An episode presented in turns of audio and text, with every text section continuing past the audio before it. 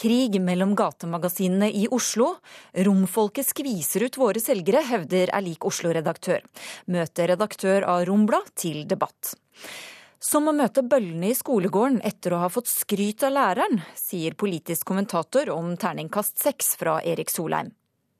Du hører på en podkast av Ukeslutt. Jeg heter Elisabeth Onsum. Det foregår en rituell krig mellom gatemagasinene i hovedstaden. Det hevder redaktøren i Er Oslo. Han mener romfolket som selger magasinet Folk er folk, fortrenger de narkomane som selger Er Oslo. Reporter Thea Rabe traff noen av dem. De prøver jo så godt de kan å presse oss ut, sant.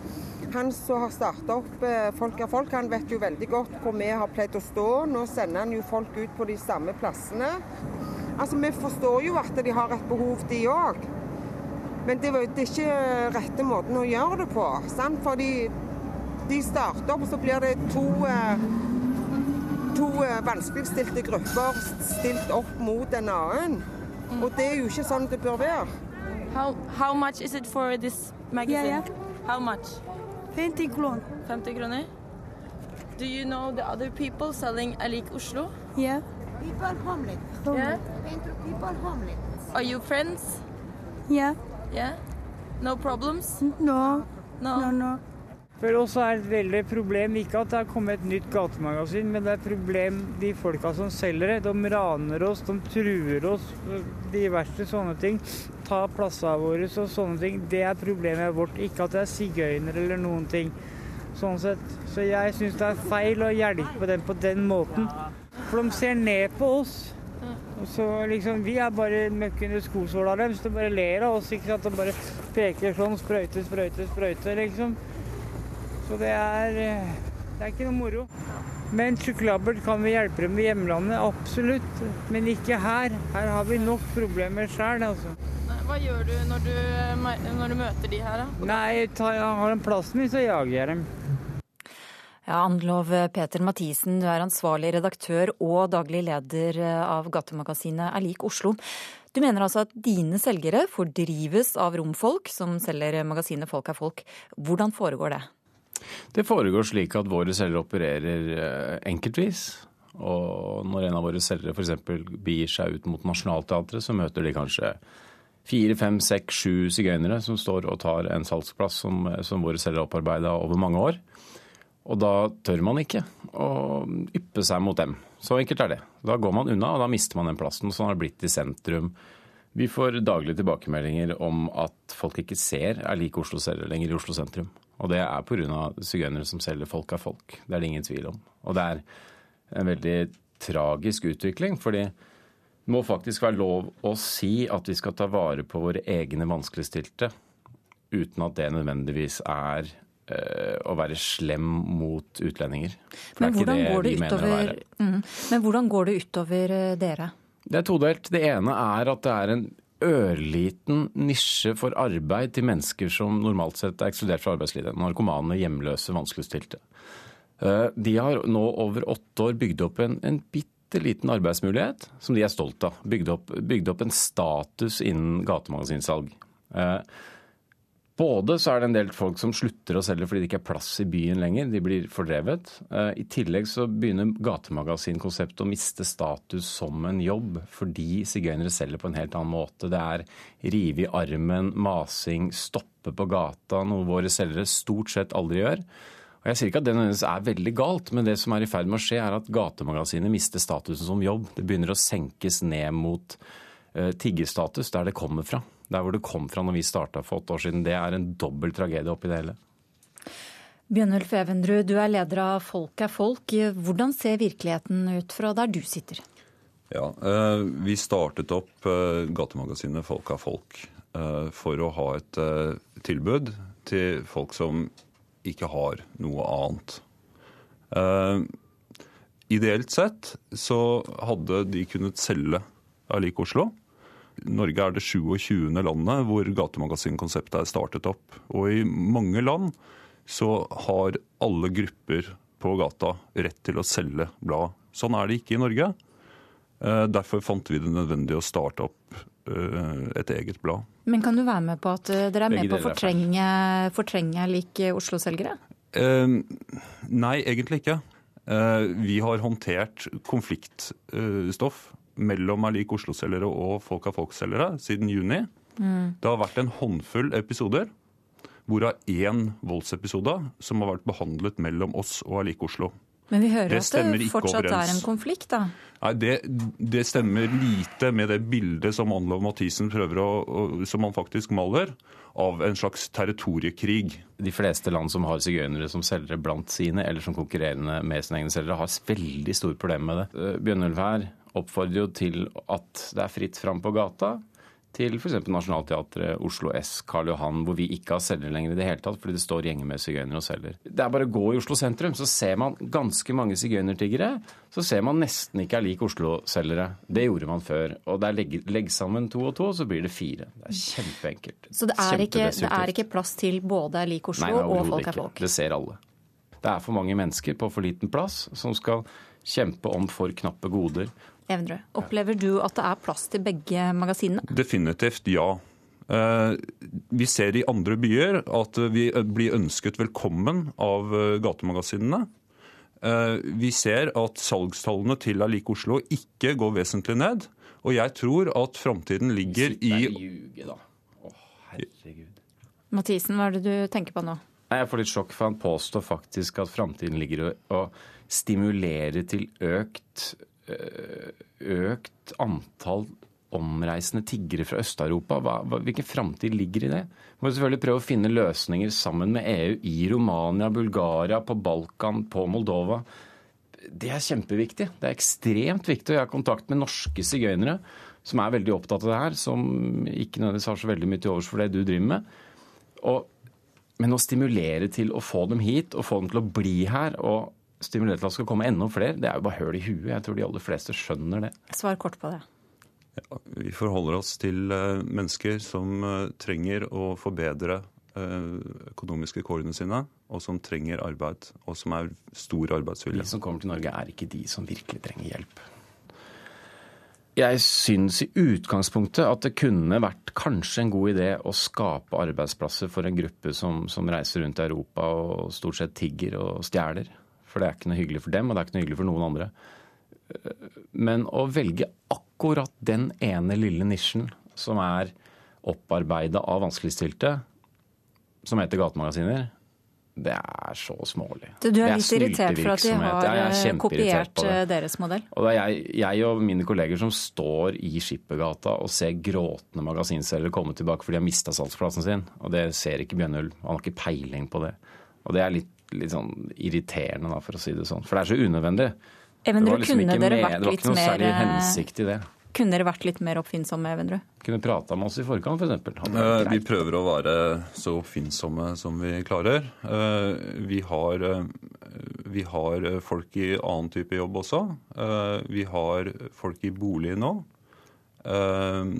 Og vi har brukt en velprøvd gatemagasinmodell, som i andre land også inkluderer eh, romfolk, eh, utlendinger, eh, folk som ikke nødvendigvis bare er eh, narkomane.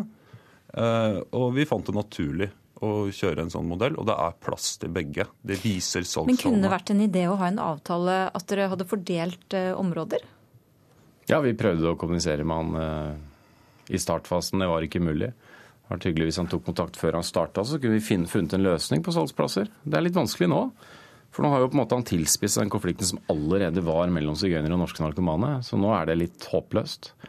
Ja, vi- Og når han sier at salgstall viser at det er plass til begge, så er det jo bare det er jo bare tullball, liksom. Altså Fra han starta i fjor sommer, så har våre tall gått ned i løpet av høsten i fjor. Men ville du vært interessert i å fordele territorier, da?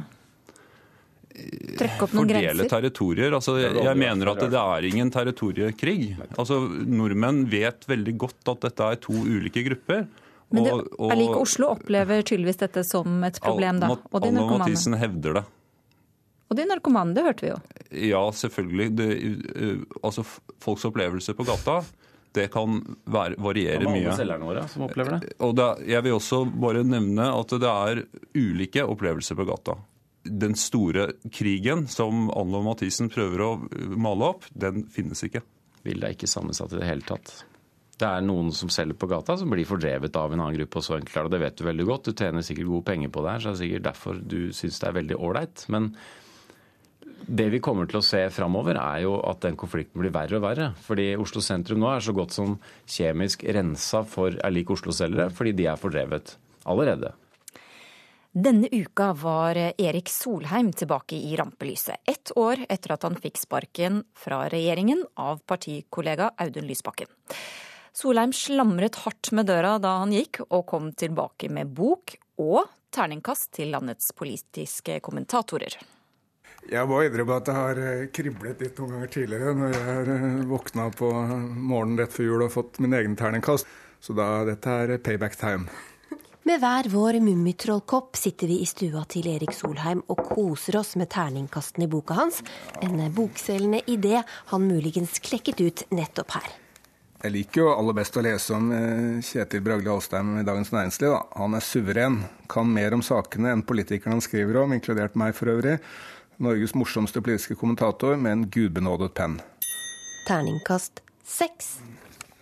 Men man kan ikke bare være snill når man skal selge bok, for det blir det ingen avisoverskrifter av. Og så må du lese om kloakkrøret. Nei, ikke så hyggelig det, da. Nei. Nei.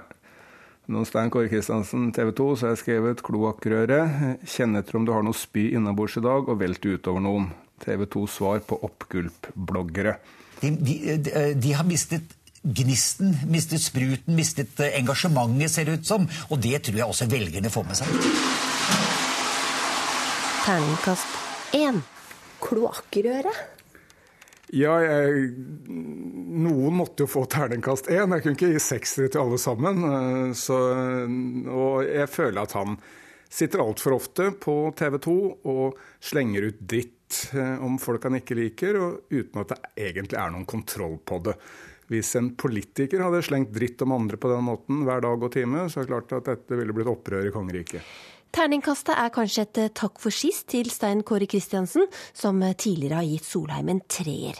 Og som slaktet Solheims avskjed som statsråd i fjor med ordene sitat det er en slags øvelse i pompøsitet og selvhøytidelighet som savner ethvert sidestykke i et nesten olympisk omfang. Men er det, ikke, er det ikke et eneste terningkast eller karakteristikk fra en kommentator som har svidd litt, som det gjør at det er litt deilig også for deg personlig?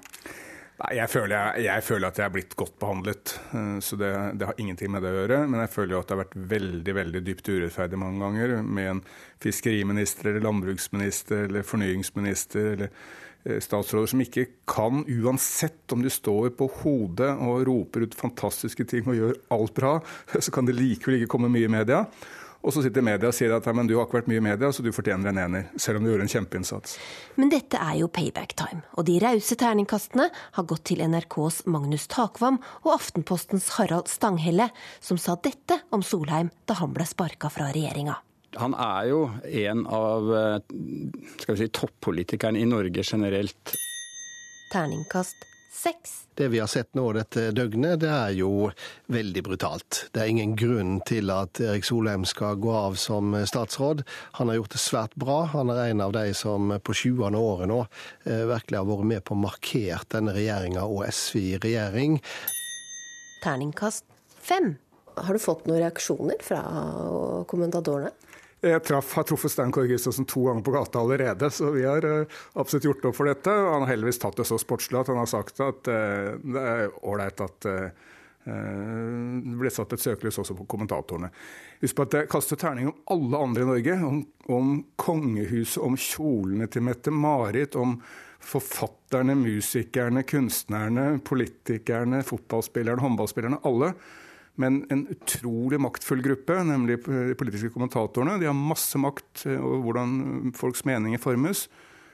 De gjør ikke den samme kontrollen på samme vurderingen av. Du har jo uttalt at jeg får kanskje fiender for livet med denne boka her. Men tror du at f.eks. kommentatorene tror du de bryr seg? Det tror jeg absolutt. Jeg tror ikke det er noe annerledes enn fotballspillere eller politikere eller eh, damer med kjoler.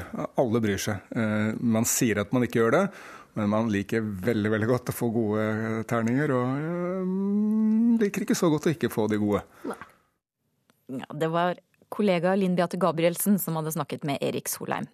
Og kommentator i VG Fridtjof Jacobsen, du ble ikke nevnt i lista til Solheim. Bryr du deg om det? Eh, ja, jeg, nei, jeg, jeg, har ikke tenkt så mye på det.